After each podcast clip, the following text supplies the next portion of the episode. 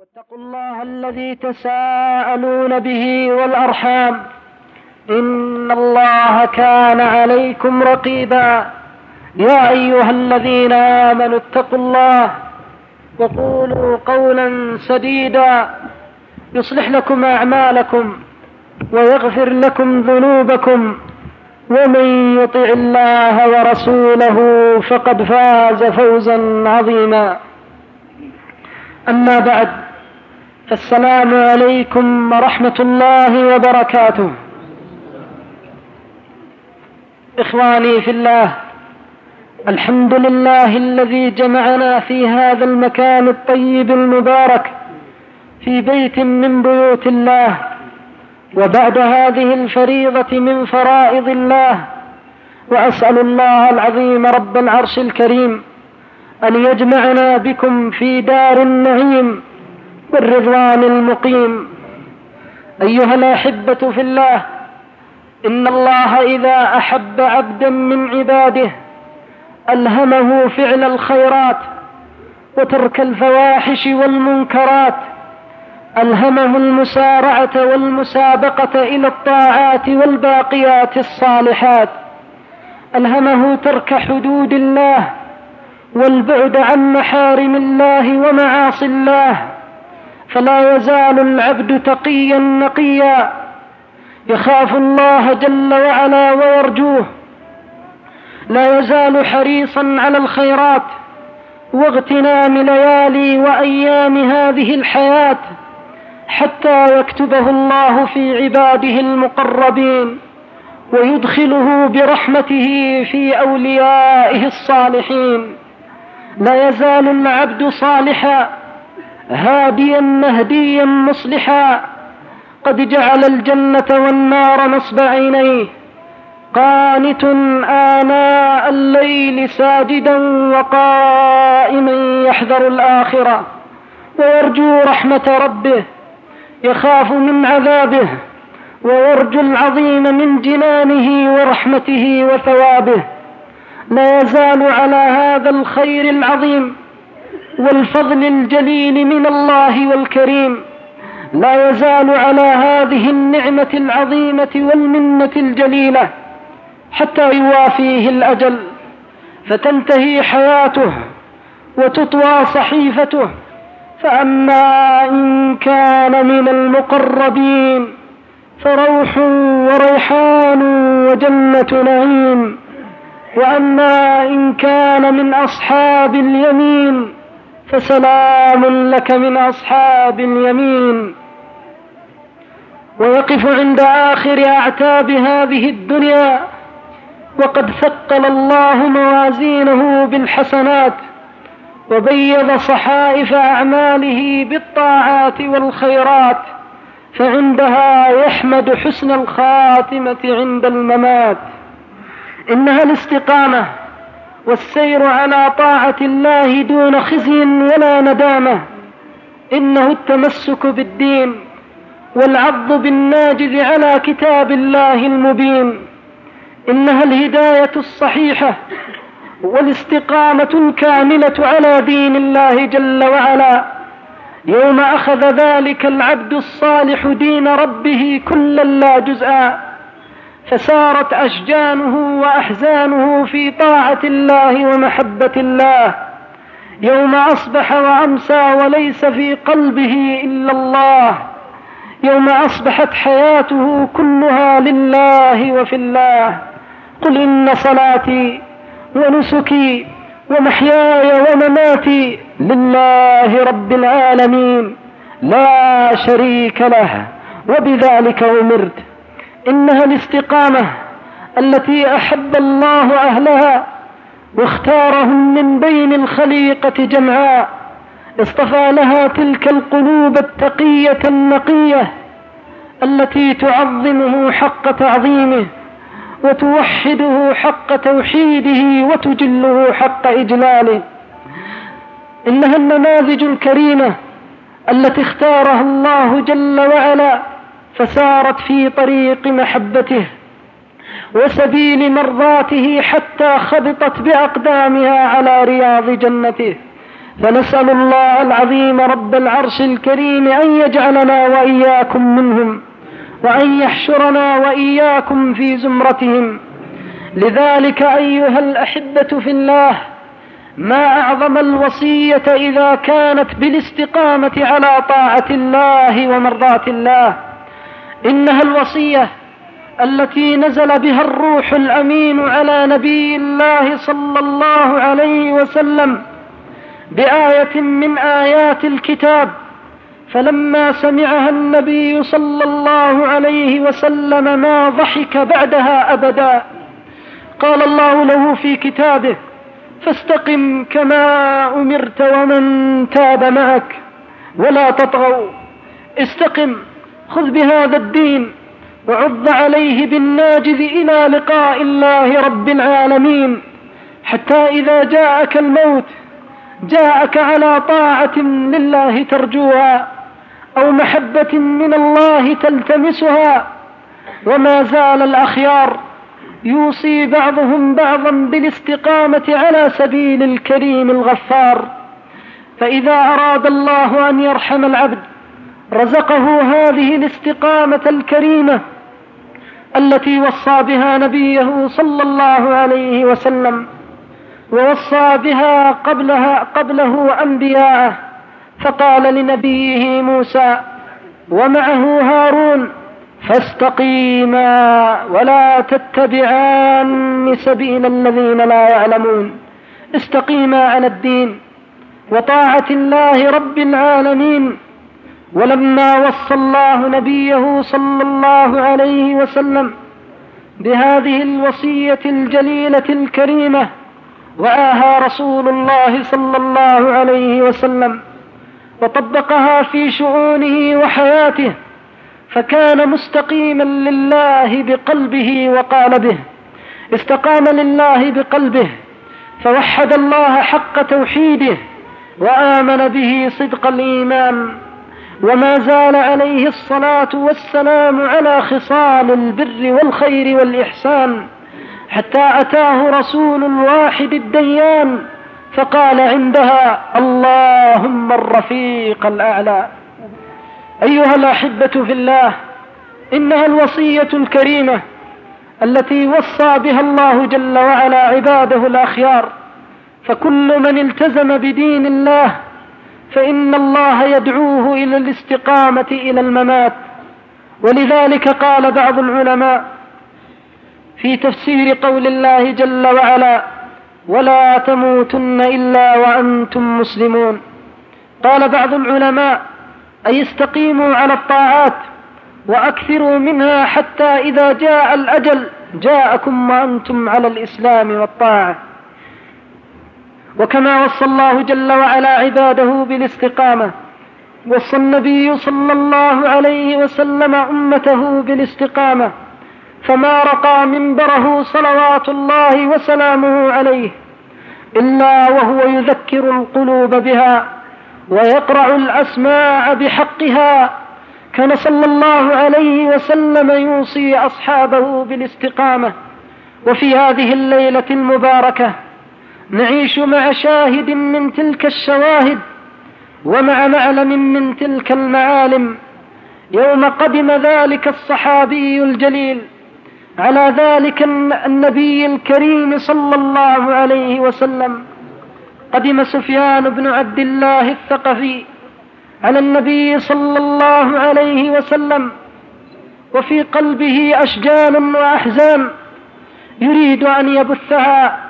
ومسائل يريد أن يعرف حكمها فأخرج ما في قلبه إلى رسول الله صلى الله عليه وسلم فسأله سؤالا عظيما تضمن قولا جليلا كريما قال له يا رسول الله قل لي في الإسلام قولا لا أسأل أحدا بعدك أبدا قل لي في الإسلام يا رسول الله يا من بعثك الله بالرسالة والنبوة فأعلى بالرسالة قدرك وبالنبوة مقامك.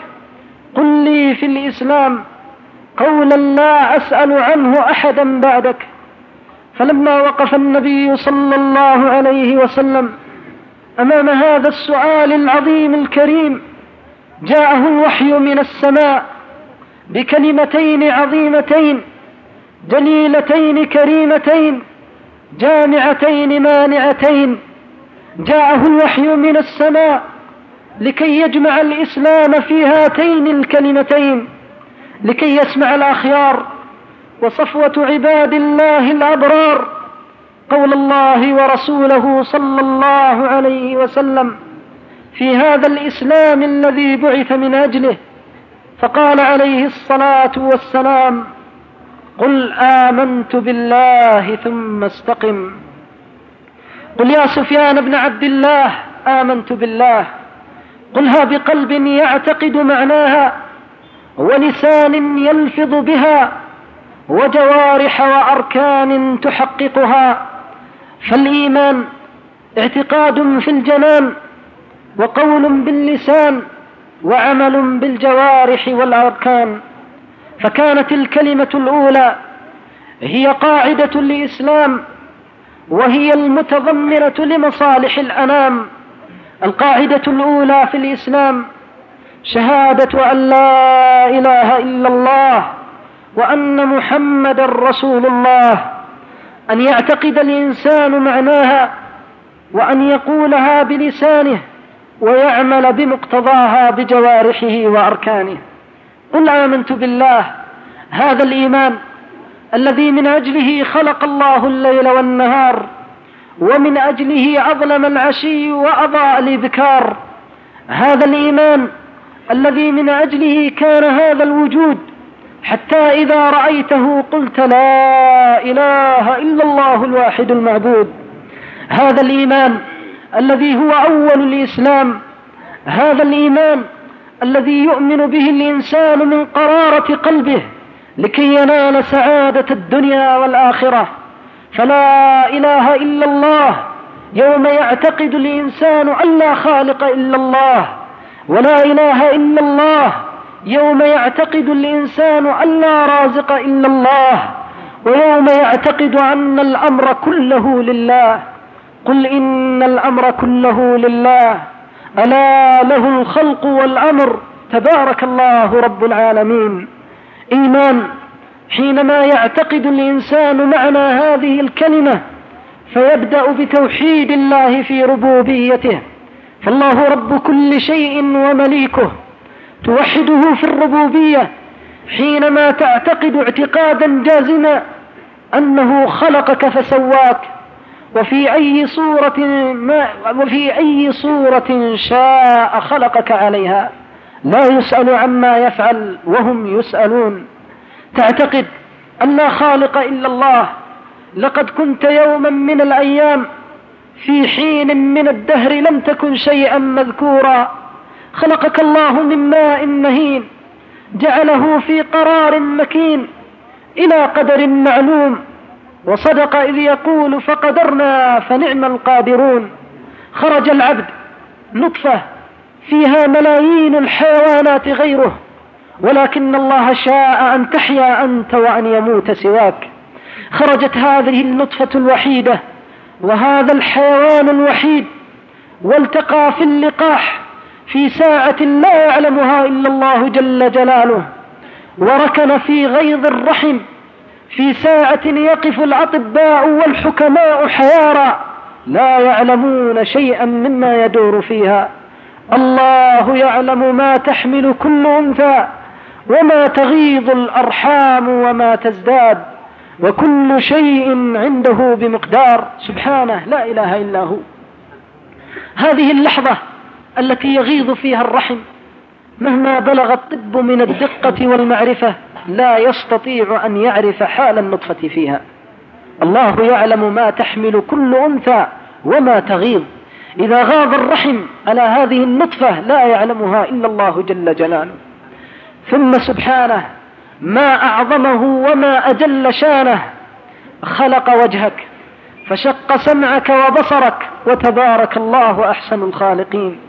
فخلقك طورا بعد طور في ظلمات ثلاث ظلمة المشيمة وظلمة الرحم وظلمة البطن لا يعلم أمرك إلا الله جل جلاله. وساق لك الطعام والشراب فسقاك وأطعمك جل جلاله وتقدست أسماؤه. الله خالق كل شيء فتوحد الله جل وعلا يوم تعتقد أنه لم يخلق أحد غيره. إياك أن تظن أن الطبيعة خلقت. إياك أن تظن أن الحياة أوجدت فلا خالق إلا الله الله خالق كل شيء فكل ما حولك من حركة أو سكون فالله خالقها والله يعلم أمرها قبل خلقها جل جلاله فخرجت إلى الدنيا فأخرج إليك الأرزاق من بين يديك ومن خلفك فأطعمك وسقاك.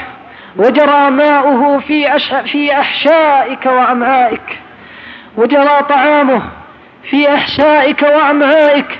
لو شاء سبحانه أن يكون الماء في فمك أجاجا لكان.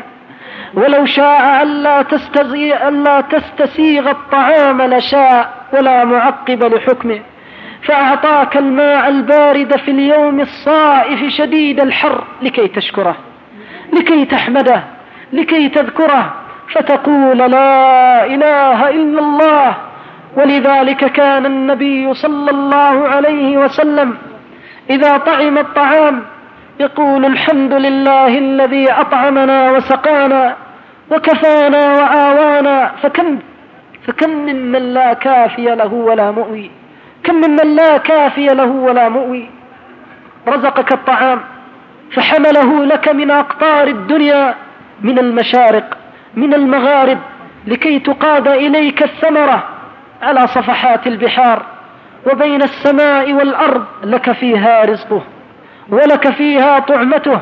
كل ذلك لكي تطعم الطعمة وتشرب الشربة فتقول الحمد لله الذي أطعمني وسقاني. قال صلى الله عليه وسلم إن الله يحب من العبد يحب من العبد إذا طعم الطعمة أو شرب الشربة أن يحمده عليها. فاللهم لك الحمد كالذي نقول ولك الحمد خيرا مما نقول ولك الحمد كالذي تقول لا نحصي ثناء عليك. توحده حينما تعتقد اعتقادا جازما أن لا معاذ ولا ملاذ من الله إلا إلى الله. قل يا سفيان بن عبد الله آمنت بالله. يوم تحيط بك الخطوب والكروب فلا ملاذ ولا معاذ إلا إلى الله. قل آمنت بالله إذا أحاطت بك الشدائد وادلهمت عليك الخطوب والمكائد فارفع الكف إليه بشهادة أن لا إله إلا الله واسأله فإنه لا يخيب من رجاه. ناداه أيوب وقد ضاقت عليه الأرض بالهموم والكروب. يوم مسه الشيطان بنصب وعذاب فتولى عنه الأقرباء والأحباب والأصحاب فما بقي إلا باب رب الأرباب. فناداه سبحانه أني مسني الضر وأنت أرحم الراحمين. فاستجاب الله دعاه. وكشف عنه ما أصابه جل في علاه. قل آمنت بالله إذا ضاقت عليك الأرض يوم يتولى عنك الأصحاب والأحباب وتخونك ما كنت ترجوه من الأسباب فاعلم أن لله بابا وأي باب فطرح على ذلك الباب فإنه لا يطرد عبد حل بتلك الآثاب وكن على يقين أن أمره بين الكاف والنون وأنه يفرج الهموم والغموم. فلو سألت الأرض كم أجيب عليها من دعوات ولو سألت السماء كم فتحت أبواب لتفريج الكربات ما ضاق عنها رحابه.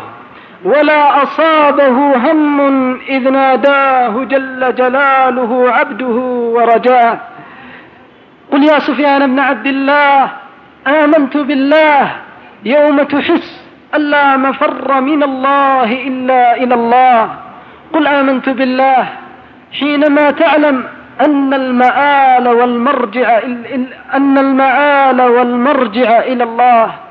قل آمنت بالله حينما توقن يقينا جازما أن الأجساد للبلا وأنها ستصير ولو بعد حين إلى الله جل وعلا. قل آمنت بالله حينما تعتقد أن هذه الأجساد ستحشر وستنشر بعد أن تقبر. قل آمنت بالله واعتقد أن الله جل وعلا سيبعثها. وسيحاسبها ويسألها قل آمنت بالله وأنت على عقيدة من الله أن الله لا يعجزه بعثها ما خلقكم ولا بعثكم إلا كنفس واحدة ما خلقكم ولا بعثكم إلا كنفس واحدة أمره بين الكاف والنون وضرب لنا مثلا ونسي خلقه قال من يحيي العظام وهي رميم قل يحييها الذي أنشأها أول مرة وهو بكل خلق عليم الذي جعل لكم من الشجر الأخضر نارا فإذا أنتم منه توقدون فسبحان الذي بيده ملكوت كل شيء وإليه ترجعون سبحانه يوم دخل الإنسان إلى تلك الحفرة المظلمة المعتمة وصار إلى اللحود والدود فتغيرت رائحته وتبدل منظره وفي لحظة واحدة إذا به بشر سوي لكي يقعد فيسأل ويحاسب فيسأل بين يدي فيسأل من ملكين عظيمين غليظين فلا إله إلا الله. إذا انقلبت تلك الأجساد إلى ذلك المآل عند الله. قل آمنت بالله. حينما تعتقد أن بعد هذا السؤال نعيما أو جحيما مهانة أو تكريما يفتح للعبد الصالح من أبواب من الجنان فيأتيه الروح والريحان ويقال له نم صالحا أو يفتح للعبد الطالح بابا من النيران ويقال هذا مقعدك حتى يبعثك الله فيقول رب لا تقم الساعة رب لا تقم الساعة. قل يا سفيان بن عبد الله آمنت بالله حينما تعتقد أن الله جل وعلا سيبعثك ويحشرك وينشرك. يوم يخرج الناس من الأجداث والبلا حفاة عراة غرلا فتصير الأرض مليئة بهم. يقف الناس بين يدي الله جل جلاله في تلك العرصات العظيمة والمواقف الجليلة يوم يبعثر ما في القبور ويحصل ما في الصدور إن ربهم بهم يومئذ لخبير. قل آمنت بالله يوم تجعل هذه المشاهد نصب عينيك فيرجف قلبك من خشية الله. قل آمنت بالله يوم تحس أن لا مفر عنها ولا محيد عنها وأنه سيصير إليها الجليل والعظيم وسيصير إليها المهان والكريم. قل آمنت بالله بقلب يعتقد من قرارته ألا مفر يومها من الله إلا إلى الله. يقول الإنسان يومئذ أين المفر؟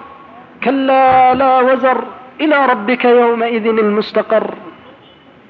قل يا سفيان بن عبد الله آمنت بالله وأنت في هموم الدنيا وغمومها. يوم ظن الناس عليك بأموالهم ففتح الله لك خزائنه الملأى. فلئن أصابك ضيق الدين فإن الله يقضي الديون. ولئن أصابك ضيق الدنيا وهمها فالله لها ونعم, ونعم الله إذ كان لها. قل يا سفيان بن عبد الله آمنت بالله فوحد الله حق توحيده وعظم الله حق تعظيمه ومجده حق تمجيده. قل يا سفيان بن عبد الله آمنت بالله ثم استقم.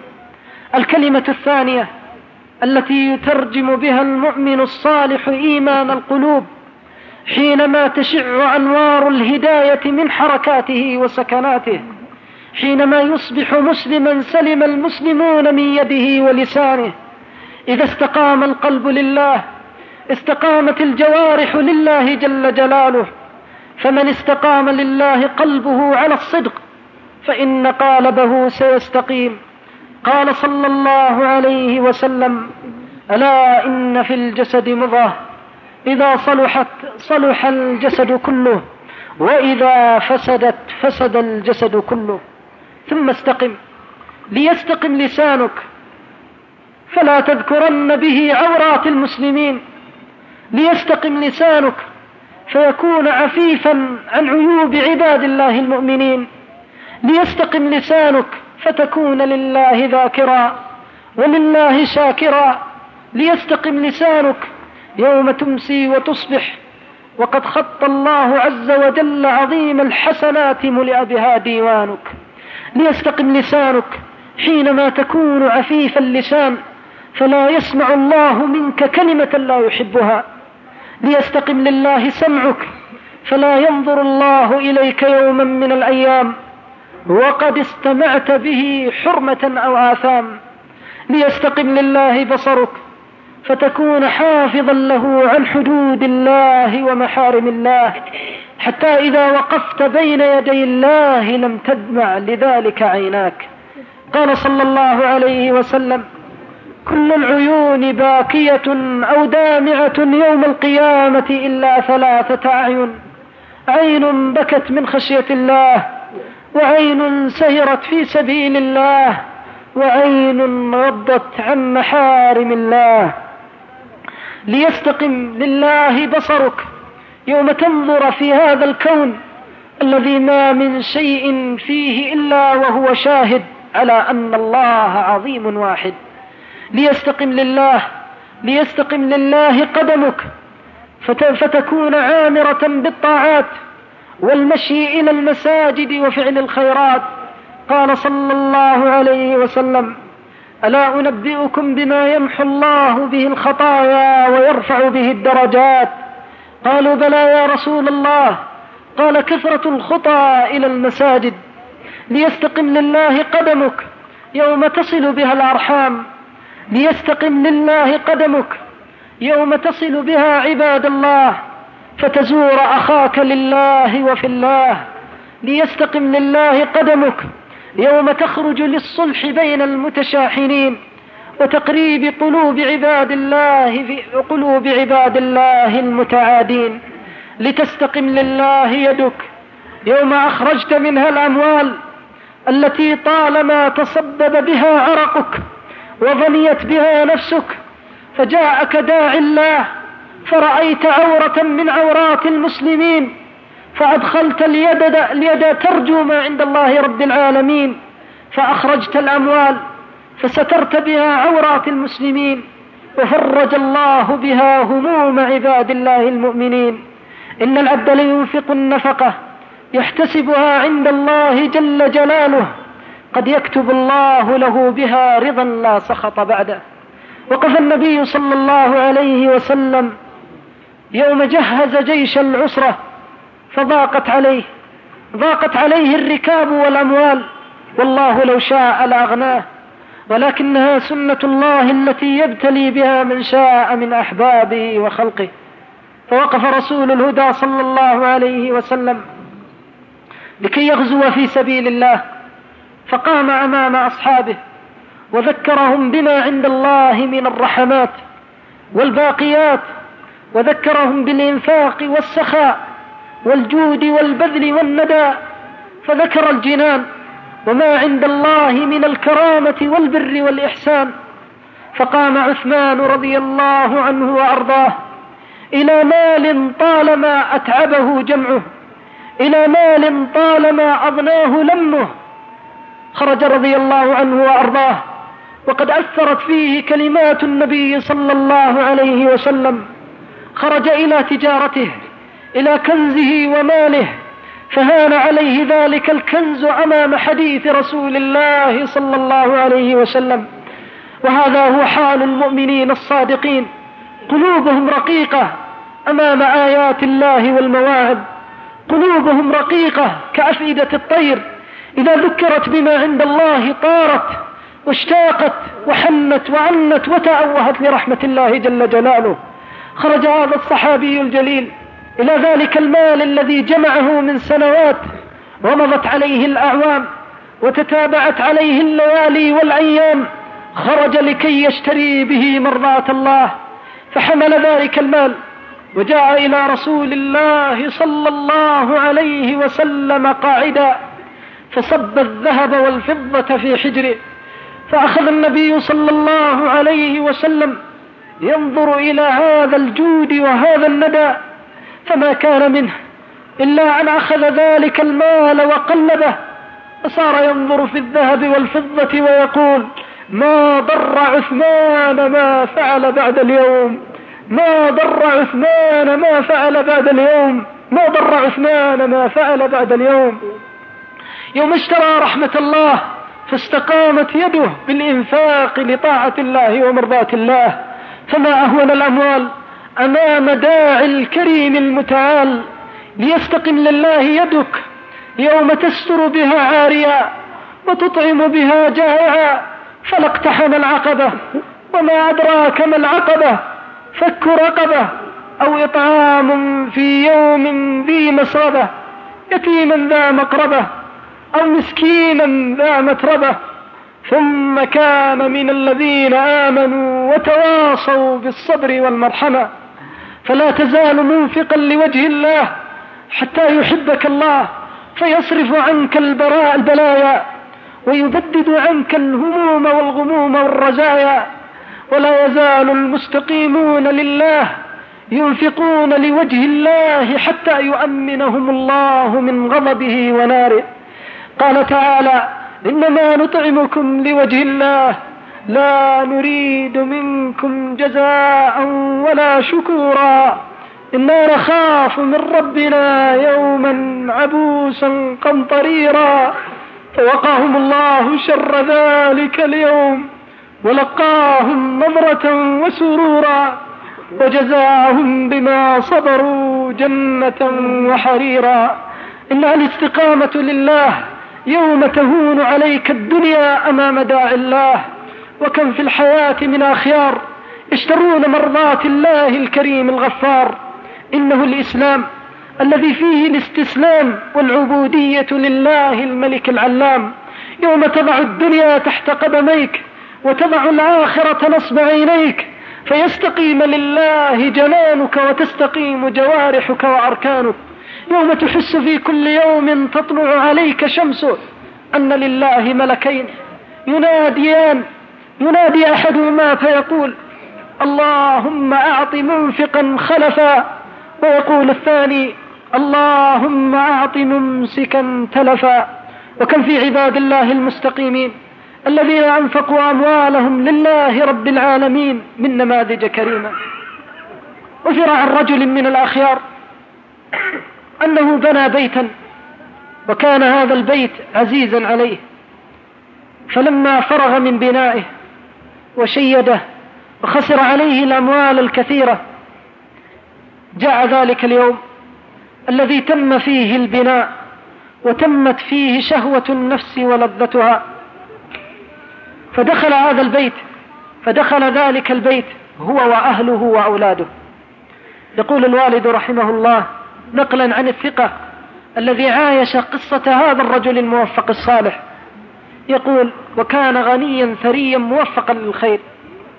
يقول فلما جلسوا في البيت ومضى عليهم نهار كامل جمعهم بعد العصر وقال يا أبنائي وبناتي وأهلي كيف البيت؟ فجعل كل يثني على جمال البيت ورونق بنائه. فلما فرغوا من حديثهم قال رحمه الله إني نظرت في هذا البيت ولم أجد أفضل من أن أقدمه لآخرتي. إني نظرت إلى هذا البيت ولم أجد أفضل من أن أحتسبه عند ربي. ولكن هل رد أحد عليه المقالة؟ وهذا من توفيق الله لعباد الله الصالحين من يربي أبناءه على الخير يجدهم خير معين له على طاعة الله. يقول الوالد رحمه الله فما رد عليه واحد منهم كلمته. وخرجوا من ذلك البيت وكان ذلك في الصيف والحر. يقول والله ما أظلمت ما غابت الشمس إلا وهو مليء بالأيتام والأرامل. فمن يريد رحمة الله يبذل ويضحي. الاستقامة تريد جهاد. والله يقول في كتابه والذين جاهدوا فينا لنهدينهم سبلنا. أي أيوة والله لنهدينهم سبلنا.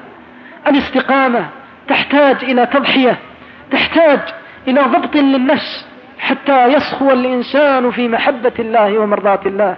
تسمع الناس يخوضون بألسنتهم فتحكم اللسان وتمسك بزمامه صابرا لوجه الله محتسبا.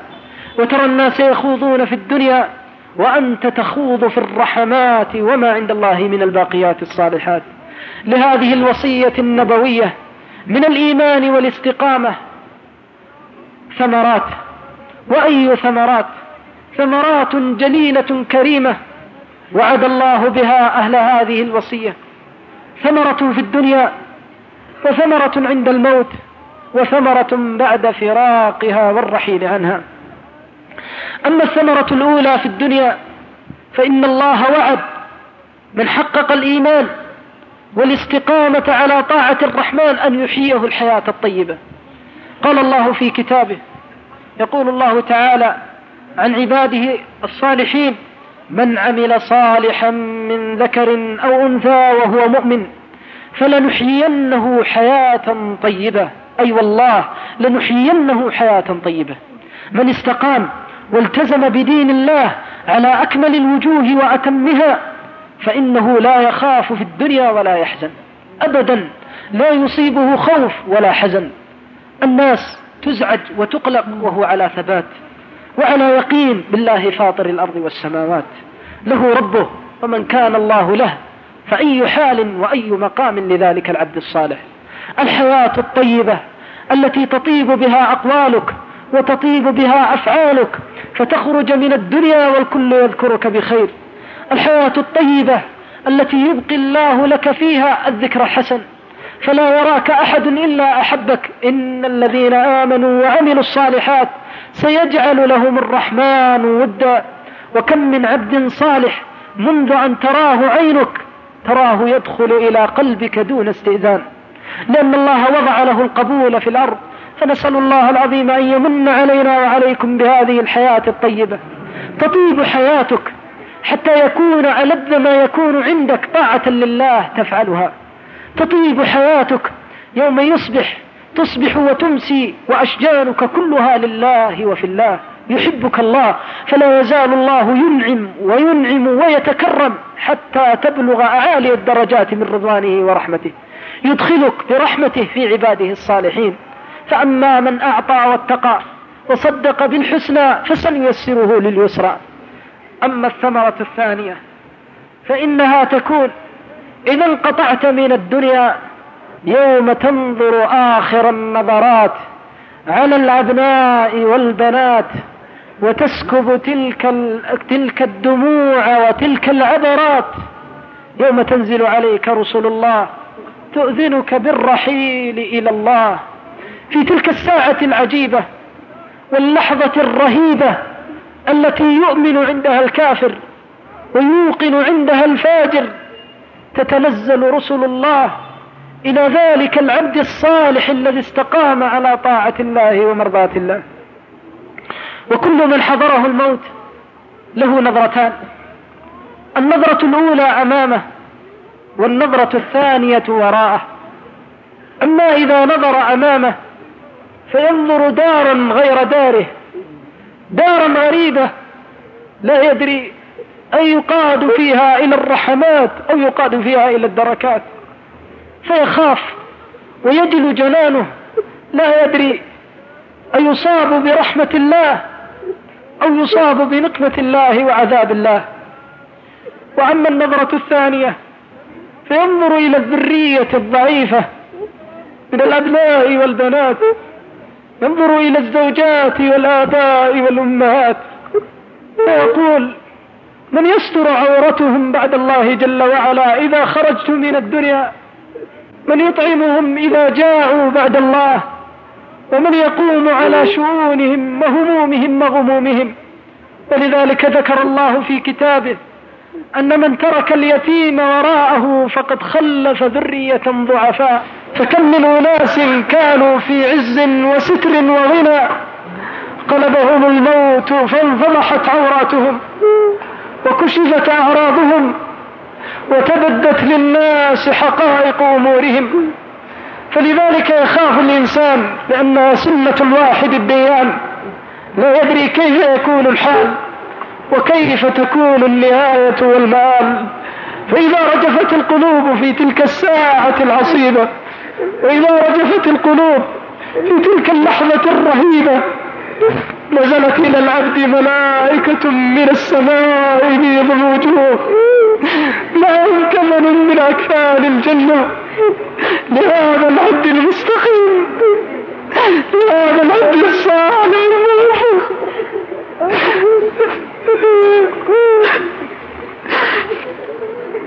كبر إليه. وهو في سكرات الموت.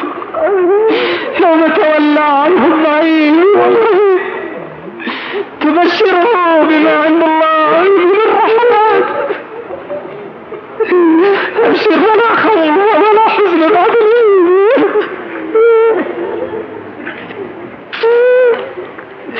الشوق إلى لقاء الله. ألا تخافوا من هذه الدار التي أنتم قادمون عليها. ولا تحزنوا على الذرية. فنحن لهم. نحن أولياؤكم في الحياة الدنيا وفي الآخرة. ولذلك قيض الله. قيض الله موسى عليه السلام والخضر. إلى جدار يتيمين. قال الله فيهما وأما الجدار فكان لغلامين يتيمين في المدينة وكان أبوهما صالحا. قال بعض العلماء وكان أبوهما صالحا الجد السابع لليتيمين. فلا إله إلا الله. ما أكرمه وما أوفاه أكل بها من ثمرة. فوالله لو خير العبد عندها أن يرجع إلى الدنيا لاشتاق إلى ما عند الله. يوم يبشر الله بالرحمات. وما عند الله من جزيل الفضائل والنوائل والمكرمات. اللهم إنا نسألك بأسمائك الحسنى وصفاتك العلى. أن تجعل أسعد اللحظات وعودة المصير إليك. اللهم اجعلنا من الذين صارت لهم الملائكة. لا تخافوا ولا تحزنوا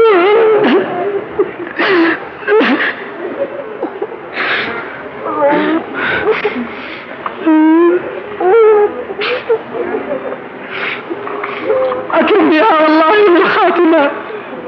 يوم يختم للإنسان بخاتمة الحسنى ويصير إلى الله جل وعلا. والله يبشرك أنك ستلقاه. واتقوا الله واعلموا أنكم ملاقوه وبشر المؤمنين. بشرهم يوم لقائي وكم لهم عند الله من رحمات. وكم لهم عند الله من جزيل الفضائل والمكرمات.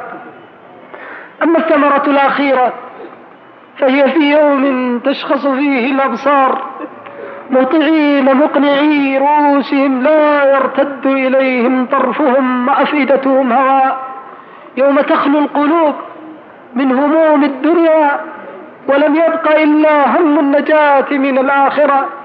أفئدتهم هواء فارغة ليس فيها إلا هم الآخرة. فإذا صار الإنسان إلى ذلك الموقف العظيم بين يدي الديان. ونادى مناد الله بتطاير الصحف. جاء ذلك العبد الصالح المستقيم. والناس في حيرة. لا يدري أحدهم أينال كتابه باليمين. فيكون منعما مع أولياء الله الصالحين. أم يناله بالشمال.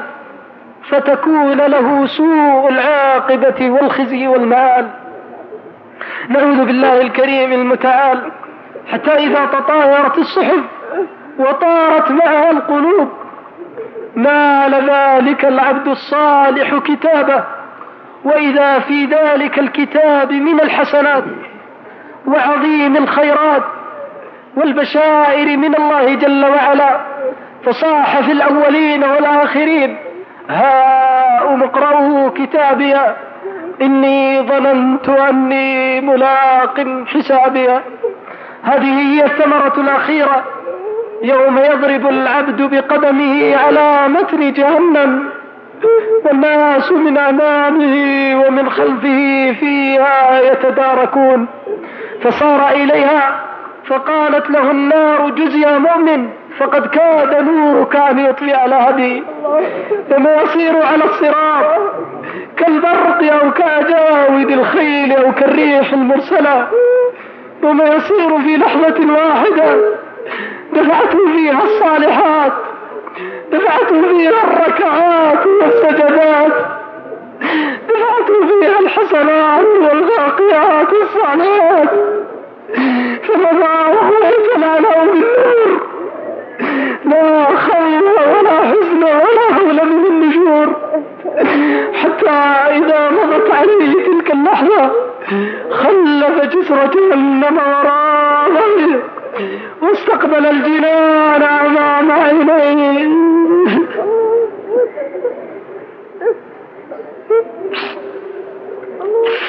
وصدق فيه قول الله ومن زحزح عن النار وأدخل الجنة فقد فاز.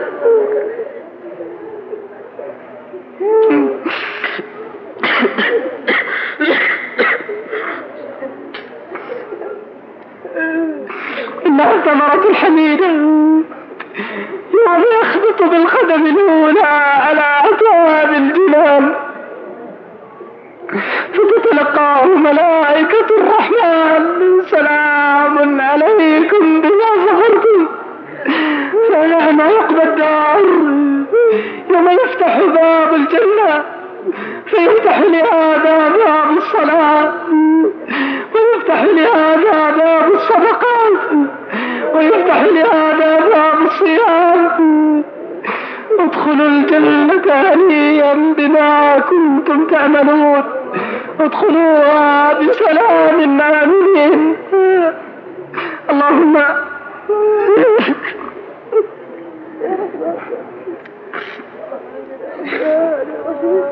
نسأل الله العظيم رب العرش الكريم.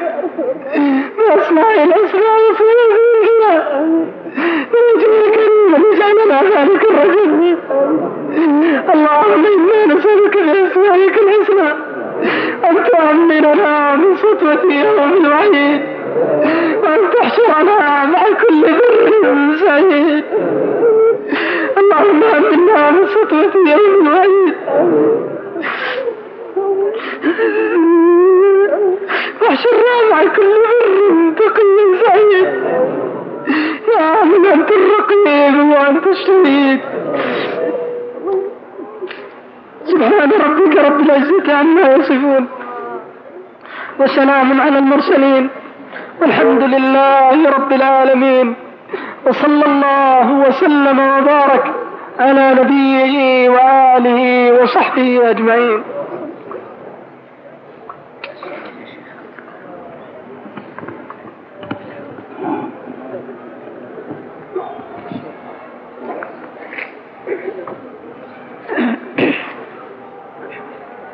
कर ले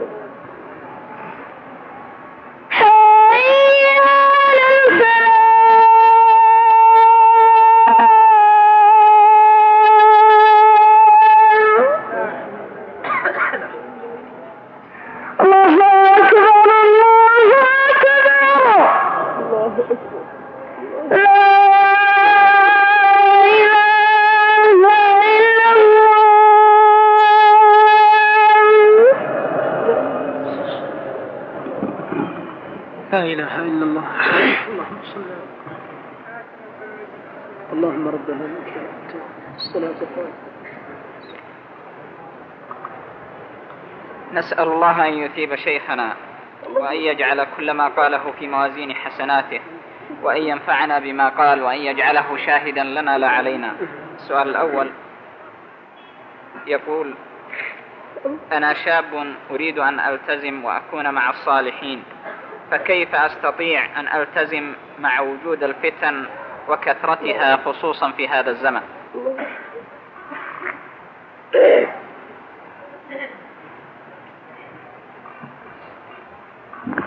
بسم الله. الحمد لله. وصلى الله وسلم وبارك على رسول الله وعلى آله وصحبه ومن والاه. أما بعد فاعلم رحمك الله أن الله جل وعلا هو الهادي وأن الله إذا هداك كفاك وأن القلوب بين إصبعين من أصابعه فلئن شاء لك الهداية لن تضل بعدها أبدا.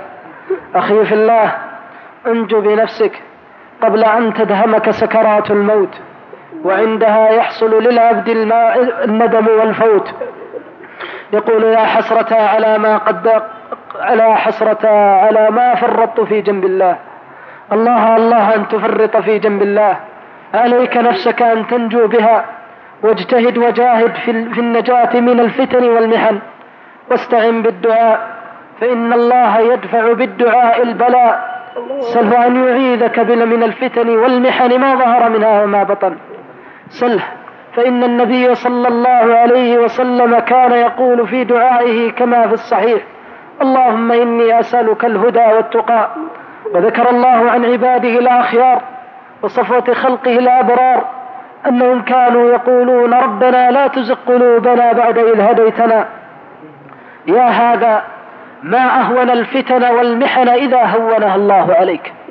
وما أحقرها إذا حقرها الله في عينيك. والله إن العبد يكون شقيا مريدا بعيدا عن طاعة الله بعيدا عن محبة الله ومرضاة الله فيقلب الله قلبه في طرفة عين إلى عبد من عباد الله الأخيار.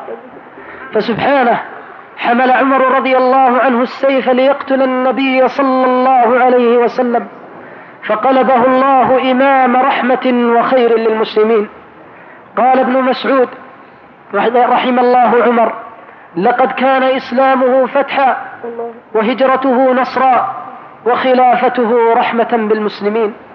اعلم أنك إن اهتديت وأقبلت على الله أن الله يعظم الإقبال منك. أقبل على الله واستعن على الفتن والمحن بالله ونعم بالله. أقبل على الله إقبال الصادقين فإن الله يقلب قلبك على طاعته ومرضاته. تبارك الله رب العالمين. ولا تخش إلا الله ولا تخف إلا من الله وكن مع الله ولا تبالي فإنه نعم المولى ونعم النصير. والله تعالى أعلم. يقول يقول أنا شاب أحضر مجالس الذكر وأسمع المواعظ. بواسطة الأشرطة ولكن أشعر أن إيماني ينقص وعيناي لا تذرفان لا تذرفان الدموع من خشية الله. فما هو نصيحتكم؟ وفقكم الله. أوصيك أخي في الله بأمور. أولها أن تضرع إلى الله بالدعوات الصادقات من كل قلبك أن يلين قلبك. وقل أعوذ اللهم إني أعوذ بك من قلب لا يخشع. ومن عين لا تدمع ومن دعاء لا يسمع ومن علم لا ينفع أعوذ بك من هؤلاء الأربع. سل الله أن يعيذك من ظلمة القلب ومن قسوته. يا هذا تفقد ما بينك وبين الله من حدود الله ومحارم الله. فإن حدود الله إذا انتهكت طبع على قلوب أصحابها فلا يفقهون إلا قليلا. يا هذا انظر إلى الرحم.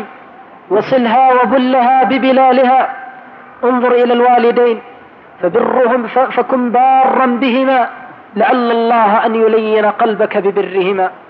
انظر إلى اليتيم وامسح برأسه فإن ذلك يلين القلب لله جل جلاله. فإن أبى القلب إلا القسوة فخذه إلى منازل الغابرين وأقمه على قبور الماضين. وقل يا نفس أما تتعظين؟ قم على تلك القبور واذكر أهلها وما هم صائرون في وهم ما هم صائرون إليه من هول بعث البعث والنشور.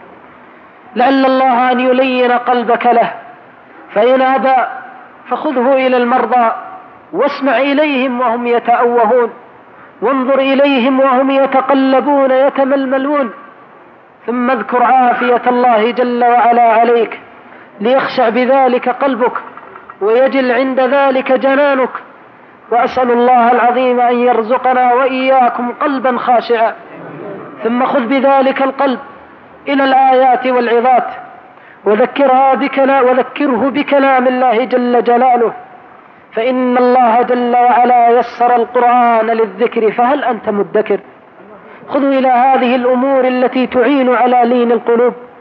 ولعل الله جل وعلا أن يمن عليك برحمته. وختاما لا تيأسن من رحمة الله وروح الله فلعل العبد أن يأتيه الفرج قريبا من الله والله تعالى أعلم. يقول أنا رجل مكلف بأمر الناس بالصلاة فأطوف عليهم ثم تفوتني الصلاة فأضطر للصلاة في سكني.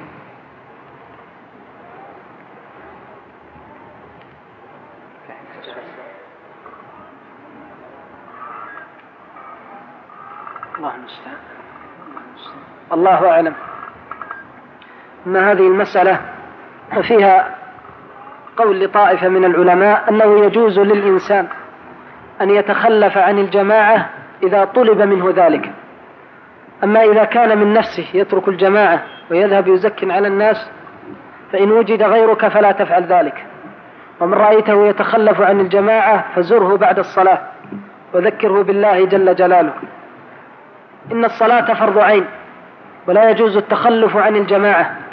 لذلك قال النبي صلى الله عليه وسلم أتسمع النداء لأعمى عليه خطر الظلمة والسيل والمطر؟ قال له أتسمع النداء؟ قال نعم. قال أجب فإني لا أجد لك رخصة. فإذا كان النبي صلى الله عليه وسلم لا يجد رخصة لأعمى كيف أجد لك أنا العبد الحقير رخصة؟ فلذلك احرص على إجابة داع الله. ولكن من نصب لتسكين الناس بالصلاة وأمرهم بالصلاة فإنه يكون الأمر في حقه فرض عين. اغتفر العلماء تخلفه عن الجماعة لمكان مصلحة أعظم. ولهذا أصله كما ثبت في الصحيح عن النبي صلى الله عليه وسلم أنه تأخر عن الصلاة للصلح بين حيين من بني عوف كما في الصحيح عنه. قالوا فراعى مصلحة الجماعة ولذلك قالوا قد يشرع لأمر الناس وتنبيههم أن يزكن عليهم وأما بالنسبة لأفراد الناس فهم مطالبون بشهود الجمعة والجماعات لا يتخلفون عنها إلا بعذر شرعي فإن النداء سمعه رسول الله صلى الله عليه وسلم وسكينه في لحمه فلم يتم قطع ذلك اللحم بتلك السكين حتى أجاب داع الصلاة منبع الفلاح والربح والصلاح ولذلك قال الإمام إبراهيم النخعي أحد أئمة السلف كان إماما ورعا آية في الورع والزهد وكان إليه المنتهى في الفقه والورع. يقول رحمه الله إذا رأيت الرجل تفوته تكبيرة الإحرام فانزع يديك من فلاحه. أليس من المفلحين أهل الدرجات العالية؟ الصلاة هي المرتبة العظيمة والركن الجليل والمنزلة الكريمة. وكان السلف الصالح تمضي على الواحد منهم عشرون سنة وأربعون سنة لا يتخلف فيها عن الصف الأول فضلا عن الجماعة. فنسأل الله العظيم أن يملأ قلوبنا إعظاما لهذه الشعيرة العظيمة. وما ذلت الأمة ولا هانت إلا حينما أضاعت هذا الفرض العظيم. ولذلك ذكروا أن الناس كان إذا أذن المؤذن لا يتخلفون عن الجماعة وكانوا يقطعون أعمالهم قبل النداء. فلما قتل عمر رضي الله عنه حصل بعض الشيء من التخلف. ثم لما قتل عثمان رضي الله عنه صار الناس يأتونها أدبارا. ما كانوا يعرفون الجماعة الثانية. من حرصهم على الجماعة الأولى. وكان الرجل إذا فاتته الجماعة الأولى يجلس يبكي كأنه فقد أحد أبنائه وولده. كانوا يعظمون الدين ولذلك عظم الله أمرهم. ورفع الله قدرهم وعطر الله سيرتهم.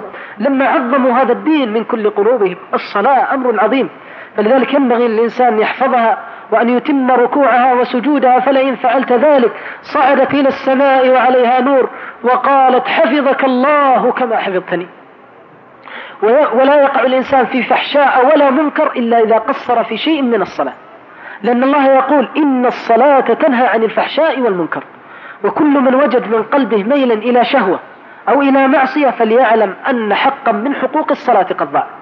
وجرب من اليوم احرص عليها وأتم طهارتها وركوعها وسجودها وأد حقها كاملا فإن الله يحفظك حتى في أهلك وولدك. وكانوا يقولون إن الله أدخل قوله حافظوا على الصلوات والصلاة الوسطى وقوموا لله قانتين قالوا أدخلها الله في المشاكل الزوجية. قالوا لأن الغالب في الإنسان إذا حفظ, حفظ الصلاة أن الله لا يسيئه في أهله وزوجه. وكانوا يعرفون أثر الصلاة بتغير خلق الزوجة على الرجل. الصلاة عظيمة ومقام كريم. وأثر عن بعض السلف أنه مكث أكثر من ثلاثين سنة ما سهى في صلاة واحدة.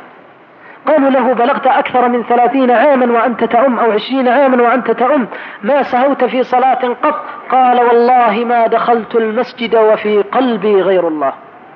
فالإنسان يعظم هذه الشعيرة ويعطيها حقها من الركوع والخشوع. وجرب إذا حرصت قبل النداء أن تأتي المسجد.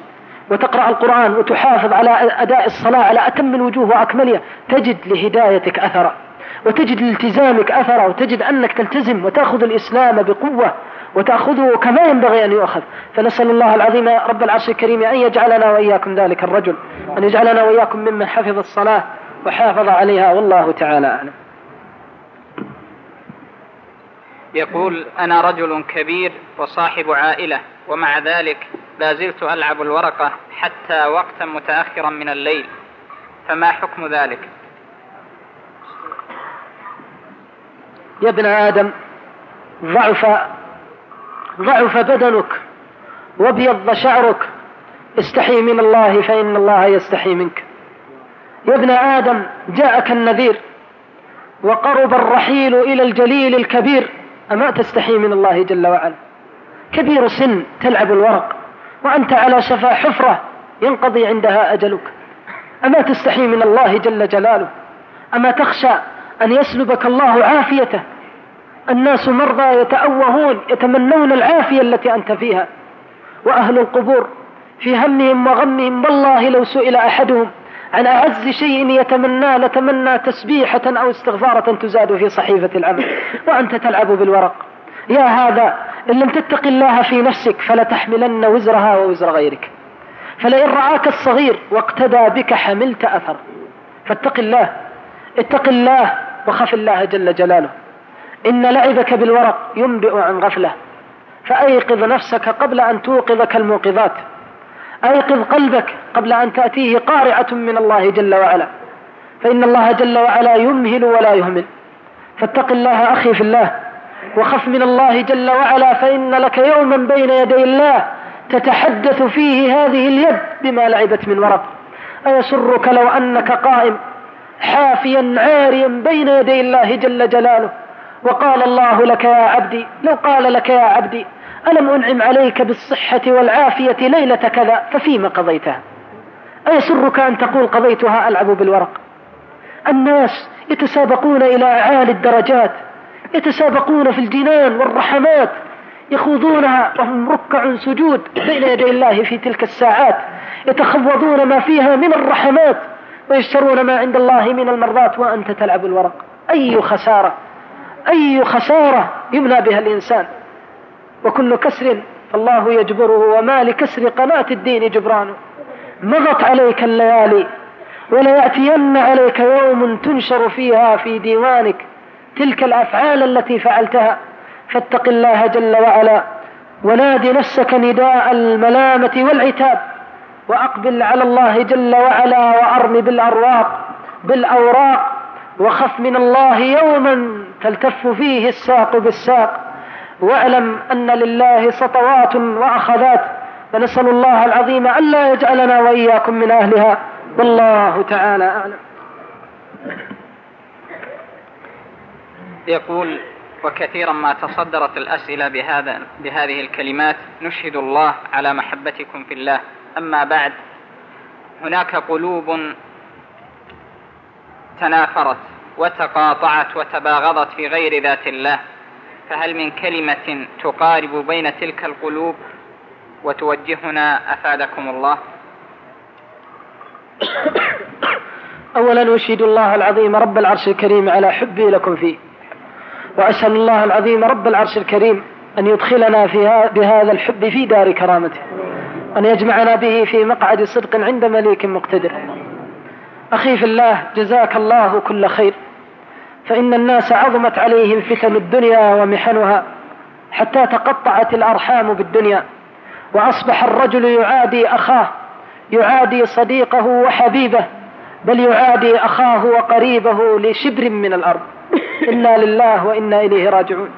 كان السلف الصالح يخرج الرجل من, من ماله وزرعه وأرضه لأخيه في الله ولله قربة يحتسبها عند الله.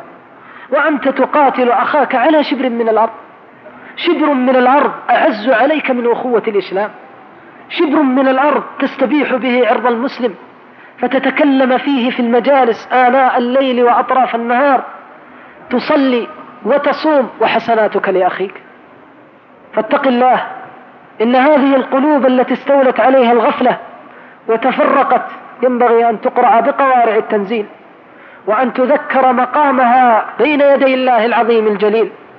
إن الدنيا أحقر من أن تفرق بين عباد الله المؤمنين وهي أهون من أن تقطع أواصر عباد الله المؤمنين. فاتق الله اتق الله يا من بليت بهذا البلاء. ألا وإن من أسباب الخسارة والفشل كثرة النزاع. فإن الله يقول ولا تنازعوا فتفشلوا. فالفشل مقرون بالنزاع. ولذلك قال فتفشلوا وتذهب ريحكم.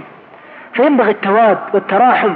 لا نكون مؤمنين حقا إلا بالمحبة والرحمة. فإن الله وصف المؤمنين بقوله رحماء بينهم رحماء. فمن من كمال إيمانك أن تكون رحيم مع أخيك. تأتيك الجماعة يأتيك ابن العم يقول لك كيف تترك الأرض؟ تقول نعم لله. أتركها لله لا لزيد ولا عمرو. يأتيك يقول لك أنت ذليل تقول نعم ولكن لله. أنت ضعيف نعم ولكن لله. أنت جبان ولكن لله. ما أستطيع أن أرفع كفي على مسلم. ما أستطيع أن أطلق لساني على مسلم. فإن النبي صلى الله عليه وسلم يقول المسلم من سلم المسلمون من يده ولسانه؟ تستحي من الله أن ينظر الله إليك وقد هتكت أخوة الإيمان بشيء حقير من الدنيا ولو بلغ الملايين. الدنيا تحت الأقدام. إذا ذكر الإنسان أخوة الإسلام فإن الصحابي تنازل عن زوجته حبه وقال إن لي زوجتين لعبد الرحمن بن عوف انظر أيتهما أجمل في عينك أطلقها وتنكحها الزوجة تهون أمام الأخ في الله ولله لأن الزوجة محبتها للدنيا ولكن الأخ لله وفي الله محبته للدنيا والآخرة. ولا يزال معك ولعله أن يشفع يوما من الأيام لك فتنجو من النار بسبب مظلمة بينك وبين الله بسبب أخيك. بعد توفيق الله. فلنتق الله في هذه الأخوة التي تشتكي إلى الله. ثم الوصية الثانية أوصي الأخيار أن يقوموا برسالتهم في المجتمع. كثير من كبار السن تخلفوا عن هذه الأمانة والمسؤولية. نحن ننتظر من كبار السن أن يجمعوا شمل المفترقين.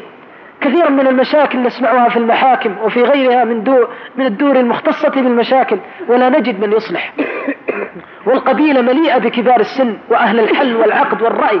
لكن لو كانت الدنيا لاجتمعنا ولكن دين قليل من يشتري رحمة رب العالمين. فإلى كبار السن رسالة أن يحيي رسالتهم في المجتمع وإلى أهل الجاه والمنصب أن يسخروا جاههم ومناصبهم في جمع القلوب. شرف والله لك لما يعطيك الله منصب ودرجة في الدنيا فتسخرها للجمع بين اثنين تعرف أنهم يكرمانك. ولا يردان لك مسألة فتخرج بتلك الأقدام التي تشتري بها رحمة الله والله ينظر إليك لكي تجمع بين أخوين مؤمنين. لا خير في كثير من نجواهم إلا من أمر بصدقة أو معروف أو إصلاح بين الناس. ومن يفعل ذلك ابتغاء مرضات الله فسوف نؤتيه أجرا عظيما. يؤتيك أجر الدنيا وأجر الآخرة. ولذلك يجعل الله لك في الدنيا الذكر الحسن. وانظر إلى أناس ماتوا وهم أحياء في الناس. كثير من الناس الآن يقولون فلان رحمة الله عليه. ما وقعت مشكلة إلا كان لها بعد الله جل وعلا.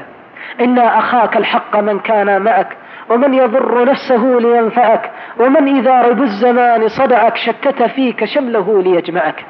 الأخ الصادق يغار على إخوانه في الله. المشاكل الزوجية تحتاج إلى الصلح. مشاكل التجار تحتاج إلى الصلح. مشاكل القبائل الأفراد تحتاج إلى أناس يشترون رحمة الله. فليقم الأخيار. ولا تقل أنا حقير في الغ... إخواني لا يسمعون مني ولكن استعن بالله. فإن الله نعم المولى ونعم النصير. وأسأل الله العظيم رب العرش الكريم أن يجمع قلوبنا على طاعته. وأن يؤلف بينها في سبيل مرضاته. إنه ولي ذلك والقادر عليه. وآخر دعوانا أن الحمد لله رب العالمين.